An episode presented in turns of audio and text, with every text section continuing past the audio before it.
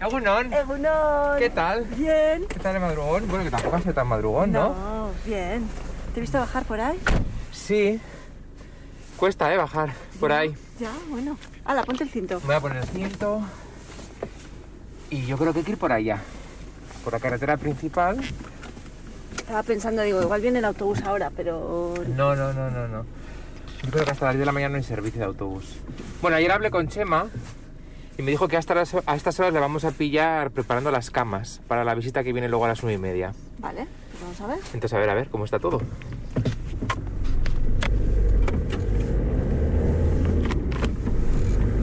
Bueno, me traigo ropa de repuesto por si acaso, ¿eh?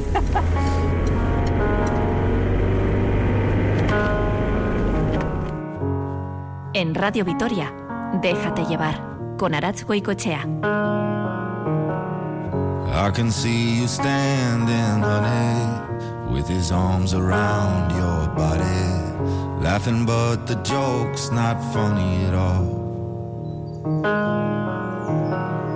And it took you five whole minutes to pack us up and leave me with it, holding all this love out here in the hall.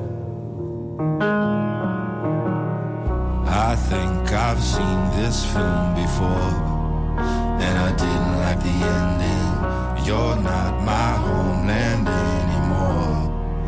So what am I defending now? You were my town, now I'm in exile, seeing you out. I think I've seen this film before.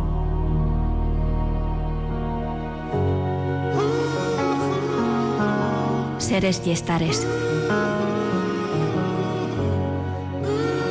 Un retrato de la sociedad anónima con Merche Guillén.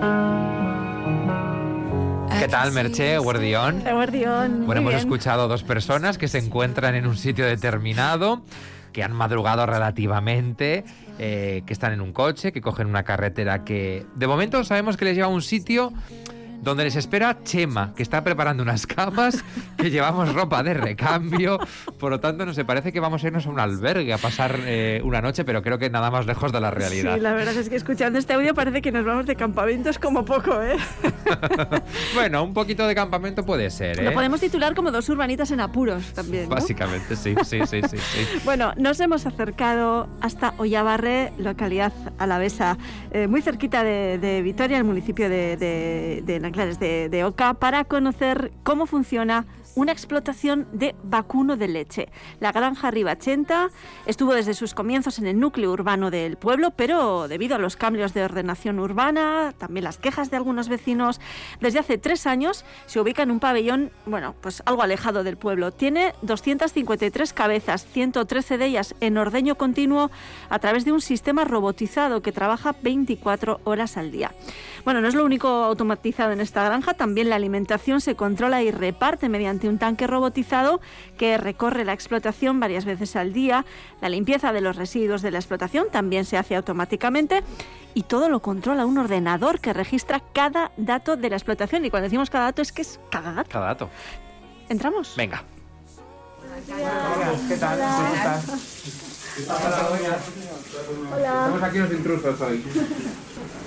Ah, Necesitáis calzas para entrar en la Vale. Ah, vale. Unas calzas enormes, ¿eh? Llegan hasta la rodilla. Suele ya da, da la dimensión de dónde nos tenemos que meter. Está todo informatizado. Sí, sí. Eh, al tener el sistema de ordeño, eh, este es el uso de los robots, el del 1 y el del 2. Eh, te dice la producción de media de las últimas 24 horas por vaca, eh, los litros totales Por vaca. por vaca. Aquí podemos ver los datos de una vaca cualquiera. Podemos ver esta misma. ¿Qué las tienes numeradas? ¿Tienen nombre? To- to- todas las vacas, va- has visto, tienen un número. Tienen un Tiene- número. tienen un nombre. Y un nombre, mira, veo aquí gitana. Gitana. Sí. Eh, te viene la hembra, te viene lo que es. te si vemos aquí, esta tiene cuatro años y dos meses, eh, está en el grupo 1. Esta es la segunda adaptación, lleva 203 días en ordeño. La producción de los últimos siete media, media de los siete días es esta. La de ayer esta, está preñada, lleva 50 días embarazada o preñada. Eh, la fecha en que se inseminó. Y bueno, tienes otros datos, el porcentaje de actividad relativa. eh, aquí te marca eh, los días que está abierto, se, ¿Y la el raza? genómico, la raza. Frisona y luego, Holstein. Aquí tenemos un genotipado que marca que es A2A2. Entonces se está empezando a dar que esto es por el tema de, de las intolerancias a la leche y demás. ¿Qué significa esto, el genotipo? El genotipo, nosotros de, terneras, eh, a partir de, creo que es del mes, eh, viene el veterinario cada dos o tres meses, bueno, el veterinario que hoy está, el veterinario que los hace reproductivo. Pues a los dos o tres meses de, cada dos o tres meses, cogemos y tomamos una muestra de sangre de cada una de las terneras y se lleva a analizar.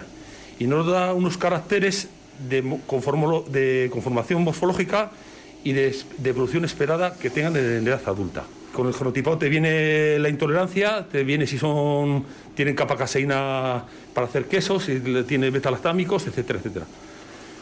Y entonces para eso sirve luego para hacer acoplamientos para obtener animales genéticamente mejor formados y más rentables y de rendimiento eh, de cara al futuro. Porque si no, eh, por desgracia aquí manda la mamá peseta o, o el mamá céntimo de euro. O nos especializamos en ciertas cosas o no podemos vivir. Entonces es un avance más. Nos sirve también porque morfológicamente, eh, bueno, aquí tenemos unos catálogos de sementales eh, que tenemos por ejemplo aquí. Esta es una casa. Entonces nos Su marcan, catálogo tal cual, Tal con cual. sus fotos y sus eh, datos. la, la nombre de- del muchacho, del mozal, eh, la producción, la mejora en producción que se espera, con los- la mejora en, o, o desmejora en grasa y proteína. Eh, te marca la posible ge- eh, fertilidad de las hijas, la salud de las patas.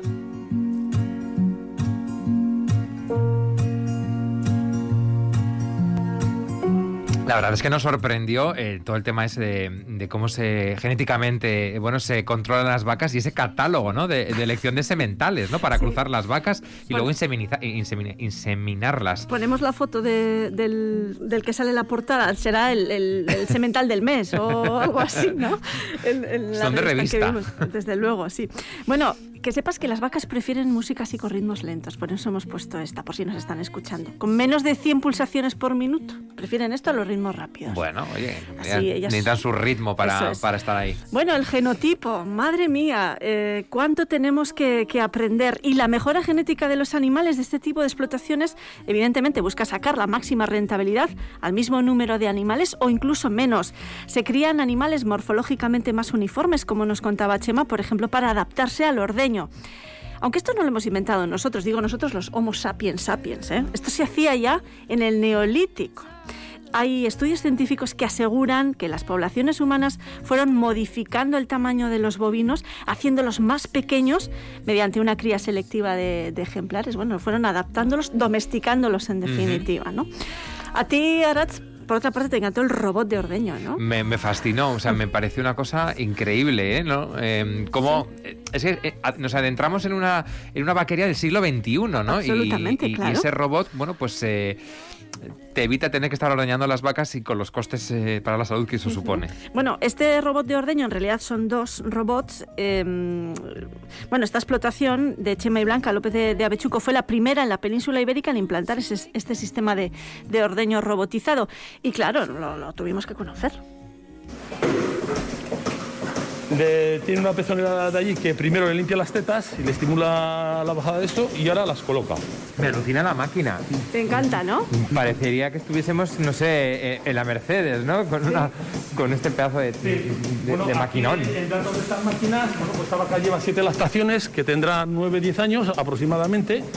Te dice la producción media de los últimos siete días, los días que lleva en lactación y la leche que espera dar este ordeño, que te lo dice aquí. Espera luego por tetas, veis que cada uno... Por la- cada, por cada pezón te dice lo que va a sacar, de- por cada teta. Calcula lo que eh, prevé que va a sacar. Lo que se busca es que tengan una media de 14, 13, 14 litros por ordeño al día. Cuidado, que ya ha acabado. El rato que hemos estado aquí, ya acab- ¿no? ¿Qué es? Sí, sí, sí. Hola, buenos días. Sí, Ah, mira, ahora se están soltando. sí. Cuando baja el caudal, eh, automáticamente le retira para que no sufra el pezón ni el cuarto. En ese Está bien tranquila, ¿eh? Sí, sí, sí. A la vez que esto eh, tiene un sistema de alimentación que les da concentrado y va comiendo. Aquí tenemos, eh, luego tenemos unos detergentes que para el robot que tienen ácido y detergente para su lavado, porque se lava tres, cuatro veces al día él solo. Y luego tiene clorixidrina para desinfectar después del ordeño, para que se desinfecten las, las tetas y la huevo, para evitar posibles infecciones. Contagios también y entre contagios, ellas. y ¿no? contagios entre ellas.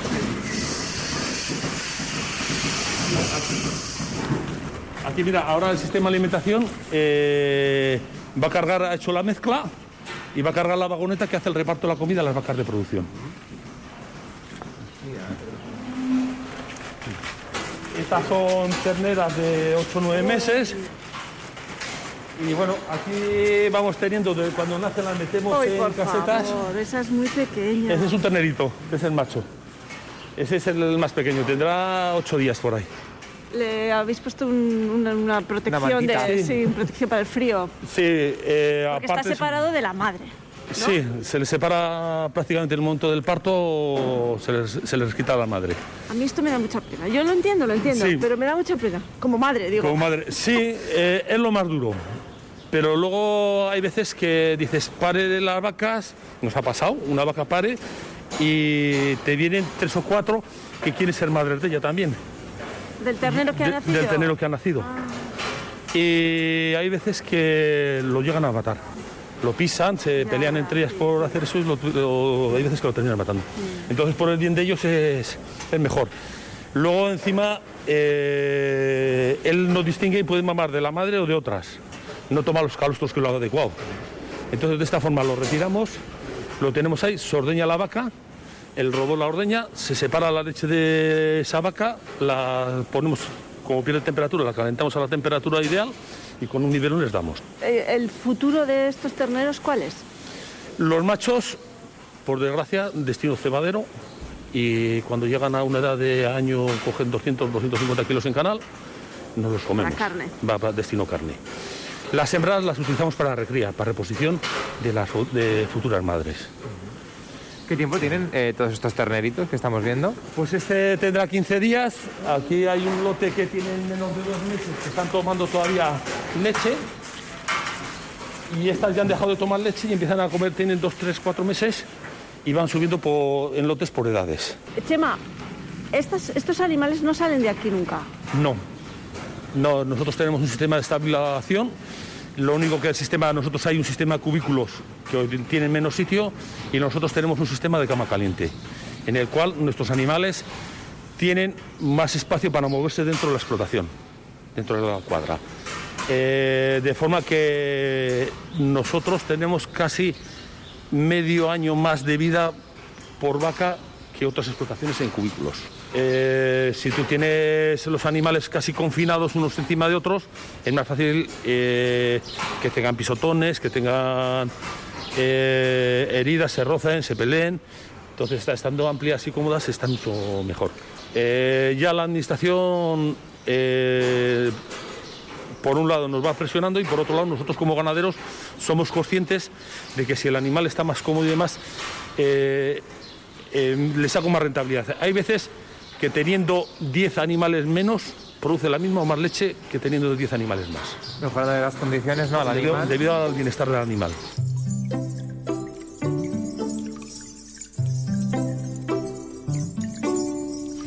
Fíjate, Merche, que es súper interesante lo que decía Chema, ¿no? Eh, cuanto, eh, cuantas mejores son las condiciones de las vacas, eh, más rentabilidad les saco, es decir, más leche pueden producir, ¿no? Eso es.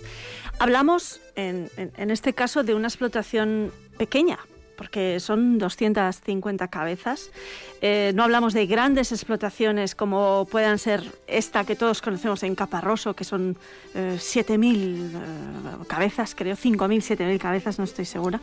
Esto ya es otro, otro asunto que ni tan siquiera estos ganadores, eh, estos ganaderos, perdón, están, están a favor de esas explotaciones masivas de, de animales, ¿no?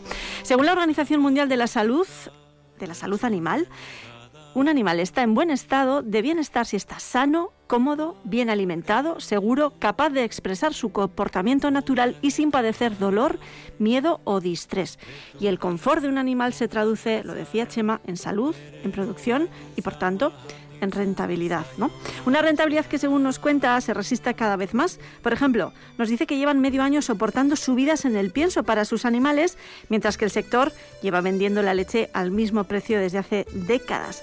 también tienen que justificar su trabajo en, en esta sociedad, la nuestra, cada vez más concienciada con los derechos de los animales y su bienestar, también con la contaminación. ¿no? Bueno, hemos visto este robot que ordeña y que te llama por teléfono si hay alguna avería. Efe- A cualquier hora del A día, ¿eh? Y dan fe de ello noche, eh, tanto Chema como su hermana. Eso es. eh, la máquina que da de comer a las vacas y ahora antes de que empiecen a encamarlas, a prepararles esa base mullidita de paja sobre la que se van a poder recostar, nos acercamos hasta Blanca, hermana de Chema, ganadera y propietaria junto a él de esta explotación. Está pasando lista junto al veterinario y junto a Xavier de las vacas que están preñadas tras la última inseminación. Ellas han estado durante todo el día, desde ayer a la- estas horas. Eh, tienen la zona donde se echan, que no sé si lo veremos desde aquí, nos acercamos. Venga, vamos a acercarnos. Eh, que Y todo esto es porque va a venir el veterinario, no, eh, ¿o no? no, las camas es a diario. A diario hay que hacerlo. El, vete- el veterinario viene cada 15 días a hacer el reproductivo. Le llamamos reproductivo, el veterinario viene con un ecógrafo y viene a hacer como el ginecólogo, la revisión. Eh, a partir de los 28 días que desde que hemos inseminado la vaca, nos confirma si está preñada o no, si tenemos que hacer un tratamiento para volver a inseminar, etcétera. Eh, Tiene la máquina, por cierto, ¿qué reparte? pues el está robot? repartiendo, eh, el robot está repartiendo una mezcla de alfalfa, eh, silo de beza, maíz y pienso concentrado. Está programado que dentro de una hora, como tiene el carro comida, le vuelva a llamar y la reparte automáticamente. Si no tiene comida, no, no reparte. Entonces desde aquí se veía, pues bueno, pues que tiene la cama, pues que está un poquito sucio, que está sucio y demás. Entonces nosotros vamos a echarle una, una manta de paja para para que dices, dices, justo cuando le eches, dices, no me importaría echarme todo muy lindo que tiene que estar. Everything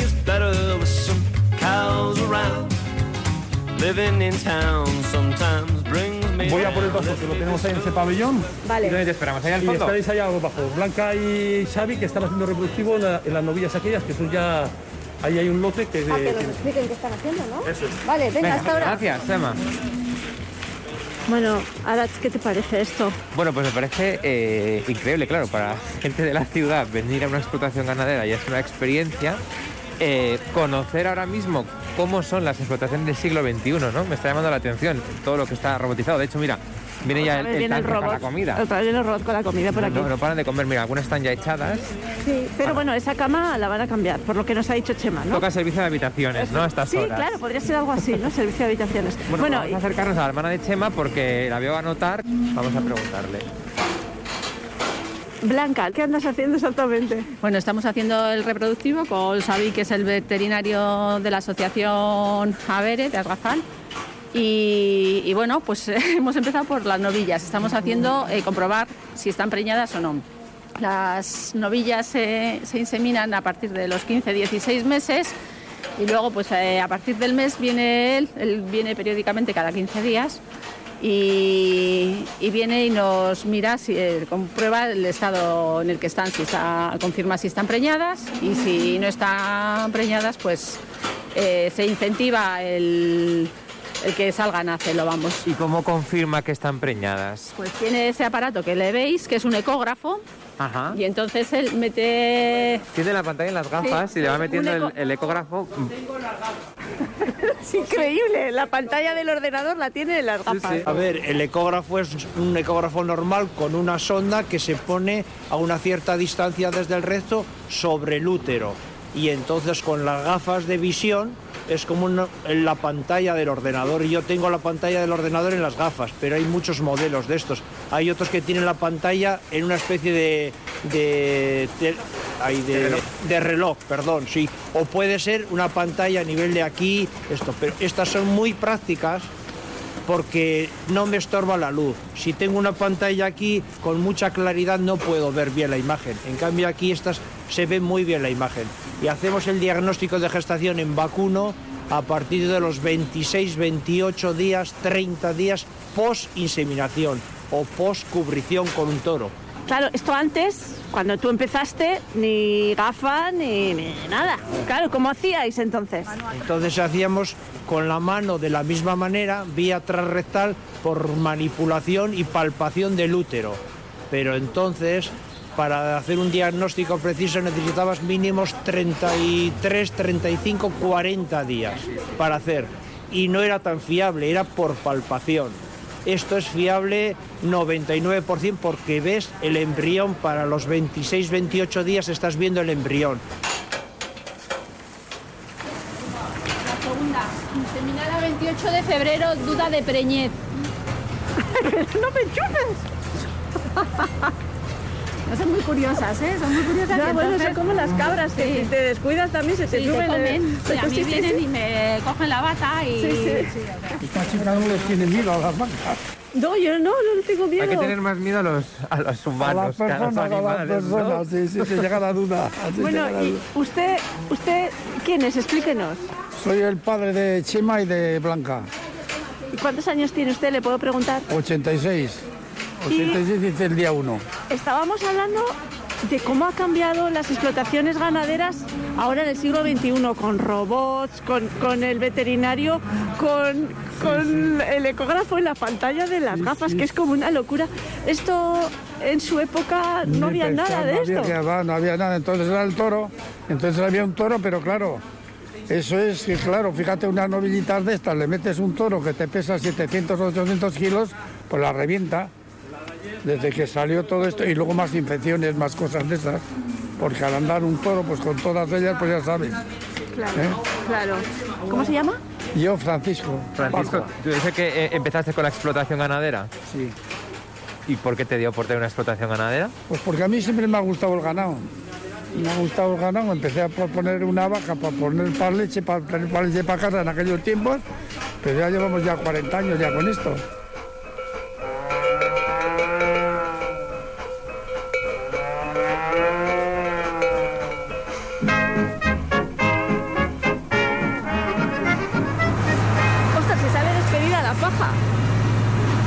La fiesta de la espuma, pero es la fiesta de la paja.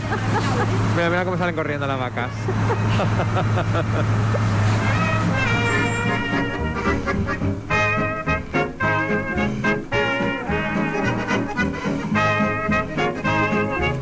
Bueno, ese cañón de paja y el sonido de los tractores, bueno, rompió un poco esa tranquilidad que nos encontramos en, en la granja, ¿no? Lo hemos comentado, a- eh, nos encontramos menos mugidos de los que Sí, esperábamos, sí, sí, ¿verdad? sí, alguno que otro eh, había, ¿no? Pero eh, que nos sorprendió mucho Francisco, ¿no? La vitalidad que, que tenía con 86, Seis. 87 años. 86 años, ahí 86 estaba. años, ¿no? Vigilando cómo- Vigilando cómo va el negocio.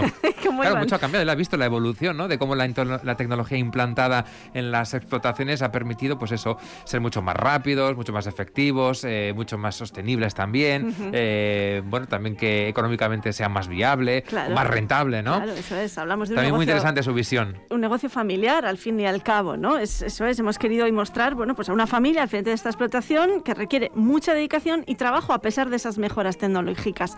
Y bueno, y antes de despedirnos, eh, eh, también le quisimos preguntar a Chema sobre eh, la opción, vimos, vimos muy bien a las vacas, Sí. eh, pero Nos ha servido este reportaje para em, entender, ¿no? Decías tú, Merche, entender y respetar este trabajo. Absolutamente, claro que sí. Respetar su trabajo y entender que ellos y ellas buscan el bienestar de sus animales, evidentemente. Pero les preguntamos por la posibilidad de, de que estas vacas estuvieran sueltas. Chema nos lo explicaba. Hay algunas explotaciones que, que sí que las sacan al exterior, a los prados. Eh, está aquí Bellalde, que es la más grande de Álava, están en pastoreo libre, aquí está Javi Pera, que también tiene, pero luego el sistema robotizado te complica mucho la cosa también, porque la vaca tiene que volver al robot. No les tienes unas pautas de decir, tiene este horario que las cierras en una sala de espera para que pasen todas por el sistema de ordeño, sino que ellas vienen y tienen las 24 horas del día para acercarse. Y luego si están en una superficie muy amplia, pues no puede... Y luego, y luego también tienes el riesgo de que las vacas, en el momento que las sueltas ahí al pastoreo libre, ellas ven campo suelto y salen corriendo y pueden tener una fractura. Si se para fracturar la pata, el siguiente acto es matarla, porque Ya. no se puede recuperar. Eh, dices, eh, da miedo decir lo que es, pero luego es una realidad que todos tenemos que ser conscientes. Eh, hay que ver qué queremos. Podemos hacer ciertas cosas, yo se pueden respetar muchas cosas, pero luego hay que comer todos. Ahí está la, la explicación. Eh, hay que decir que la leche que producen estas vacas va destinada a queso, en, en su caso. Em, que todo el sistema de robotizado en lo que es el ordeño de las vacas, pues eh, ha permitido no solamente que bueno, pues la producción sea mayor, sino sobre todo los problemas, ¿no? Blanca nos contaba cómo eh, ella se dedicaba a ese ordeño y bueno, llega un momento de sufrimiento con, con- con su espalda, ¿no? Eso, Dolencias muy físico, importantes, claro, ¿no? claro. Al final son muchas horas y muchas vacas que, que ordeñar. También vimos cómo se insemina una vaca, no llegamos a ver la inseminación, pero sí que vimos ese depósito, El ¿no? depósito que yo creía que era una lechera, fíjate tú qué ignorancia. Era un depósito lleno de nitrógeno con las muestras de, de los sementales, que tú decías que parecían palitos del PCR. Efectivamente, para que, Para que se hagan una idea hagan una nuestros idea, eh, eso es por lo que inseminan a las vacas. Pero cómo ha evolucionado, ¿no? Eh, todo, toda la explotación, hemos dicho, es una explotación del siglo XXI. Incluso me llamaba la atención, eh, como nos explicaba Xavi, eh, la forma de, de diagnosticar, ¿no? O que una vaca está preñada. Como antes se hacía manualmente, Claro. eh, directamente tocando el útero, Sí, ¿no? y ahora esas gafas maravillosas que tenía Xavi, que parecía Doc de Regreso al Futuro. A mí me recordó, me recordó esto. Por cierto, son 43 explotaciones de vacuno de leche en Álava, eh, con, asociadas a Argafal. 39 de ellas eh, producen leche líquida es, eh, para, para, para compañías de, de leche y el resto, como la de, eh, la de Chema y Blanca, pues eh, para, para hacer queso. Eso es, para una quesería de, de aro. Eh, no nos hizo falta cambiarnos de ropa, también todo hay que decirlo, porque íbamos que pensábamos que nos íbamos a revolcar por allá, también urbanitas que somos, No. pero no, ¿eh? salimos más o menos como, como entramos, además con esas eh, protecciones que Eso nos pusimos en los, en los pies, pues eh, que además es por, por, por higiene y por obligación sanitaria, Ujú. no podemos estar en la explotación de cualquier manera, ¿no? Salimos perfectamente conociendo a estas 253 cabezas de, de ganado que Sí. tienen en, en la explotación Ribachenta. Eh, ¿Repetiremos experiencia juntos? Sí, ¿Sí? yo creo que tenemos que pensar en un siguiente reportaje y, vivirlo de esta forma. Yo ¿eh? encantada, ya lo sabes, encantada de recibirte en nuestros seres y estares, así en primera persona. Bueno, pues ha sido un placer, Merches, Sí. que ricasco. También vamos a dar las gracias a toda la familia López de Claro, por habernos bueno. abierto Chema las Blanca, puertas. Francisco y a Xavier, al veterinario, por supuesto que sí. Por cierto, que este espacio se puede recuperar ya no solamente a través de nuestra página web, sino también a través de la aplicación ATV Podcast. Vamos a ir recopilando todos los reportajes de series y estares. Merche Guillenes, que ricasco. Buen domingo. Seri, agur. Agur.